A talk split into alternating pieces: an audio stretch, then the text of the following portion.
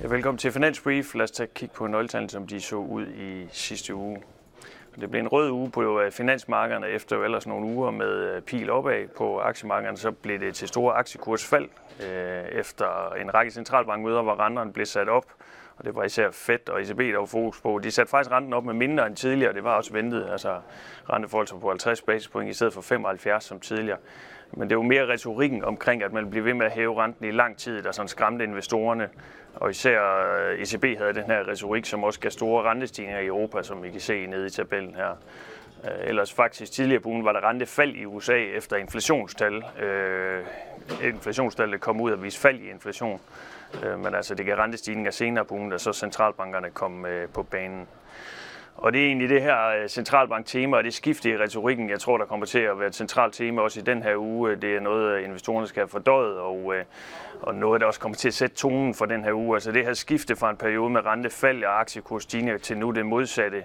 Øh, det er klart, det er noget, ja, investorerne skal have fordøjet, og især ECB var jo hårde i retorikken med, at man har behov for at hæve renten markant også øh, i den kommende tid, og øh, Fed gentog sådan set det budskab så øh, fredag. Og det er altså det her med, at man vil hæve renten selv ind i en recession, og aktieinvestorerne håber på, at man egentlig kan komme igennem den her periode og få inflationen ned uden en hård recession, men det er der bare ikke rigtig så meget, der taler for.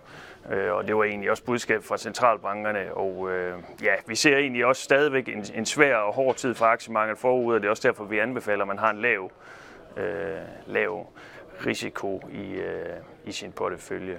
Og ellers, man kan sige, på nøgletalfonden, der kommer rigtig mange tal i den her uge. Det, der er værd at fremhæve som sådan ugens nøgletal, er den her privatforbrugsdeflator, som kommer på fredag fra USA, som er altså et andet inflationsmål end det, vi fik i sidste uge.